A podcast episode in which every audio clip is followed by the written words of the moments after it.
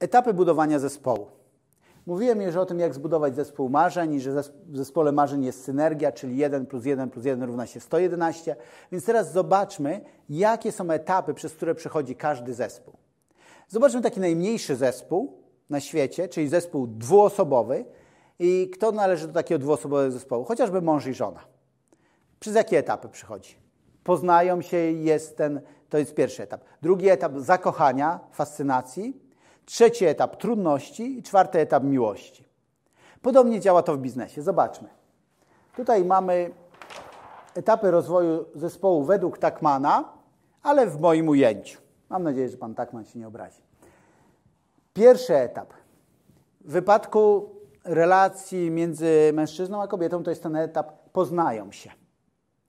W wypadku biznesu to jest nie wiem, dwie, trzy, cztery, kilka osób wspólnie chce zbudować biznes.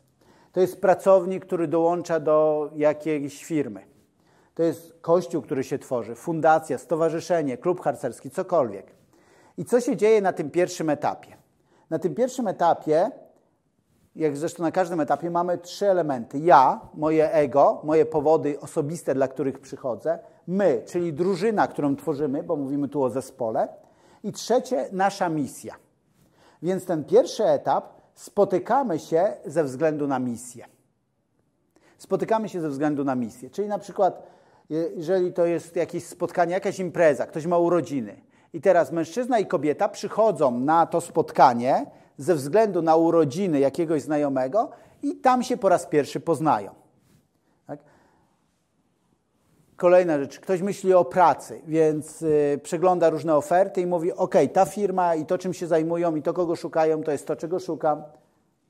Ktoś inny myśli sobie: Dobrze, y, założyłbym biznes, ale no, dobrze by było to zacząć dwie, trzy osoby, wziął dwóch, trzech kumpli i zaczęli o tym rozmawiać. To jest pierwszy etap. Misja jest najważniejsza. Misja jest tym, co nas łączy y, i nie myślimy o sobie, nie myślimy jeszcze o zespole, myślimy o tej misji.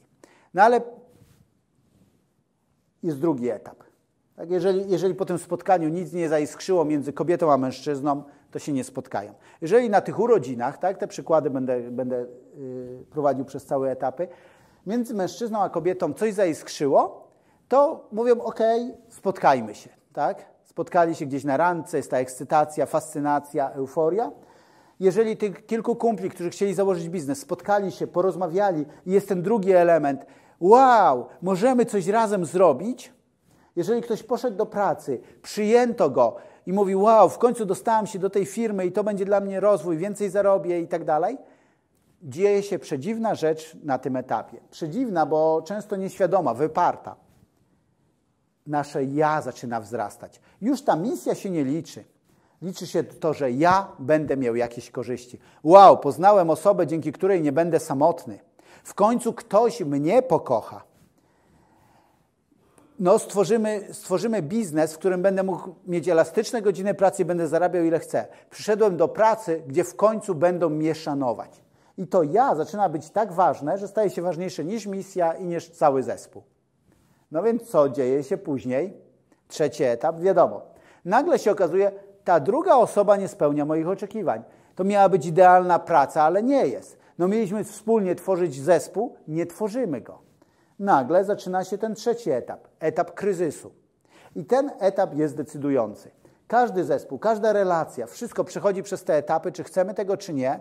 Warto o tym wiedzieć, ponieważ nie mamy wpływu na to, że te etapy będą, natomiast mamy wpływ na to, jak się zachowamy w tych etapach. Więc mamy 1, 2, 3 i jesteśmy w punkcie 3, czyli w punkcie, kiedy przeżywamy kryzys. Oczywiście możemy przeżyć go źle, i po prostu wszystko spali na panewce, wszystko, po prostu rezygnujemy z dalszego rozwoju.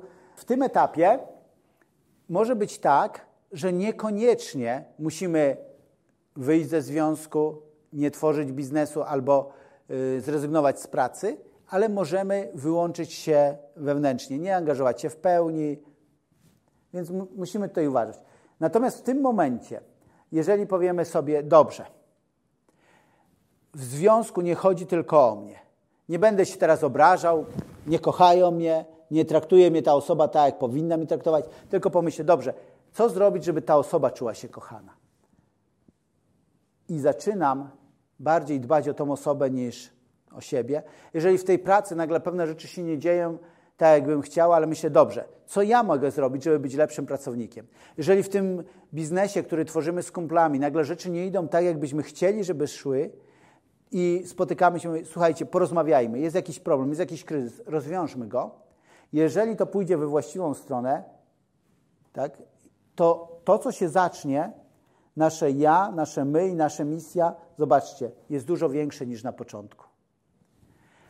Więc warto przejść te trudności, jeżeli widzisz, że ta relacja jest wartościowa, że ta praca jest taka, którą, o którą warto walczyć, że ten biznes, który chcecie założyć, jest warty tego, żeby przejść ten trudny moment, to rozmawiajcie, szukajcie rozwiązań, a zobaczycie, że kiedy wyjdziecie z tego dołka, to i Twoje poczucie zadowolenia będzie większe, i Wy jako zespół będziecie mieli silniejszą relację, i Wasza misja, czyli powód, dla którego się spotykacie, będzie Was rzeczywiście ekscytował.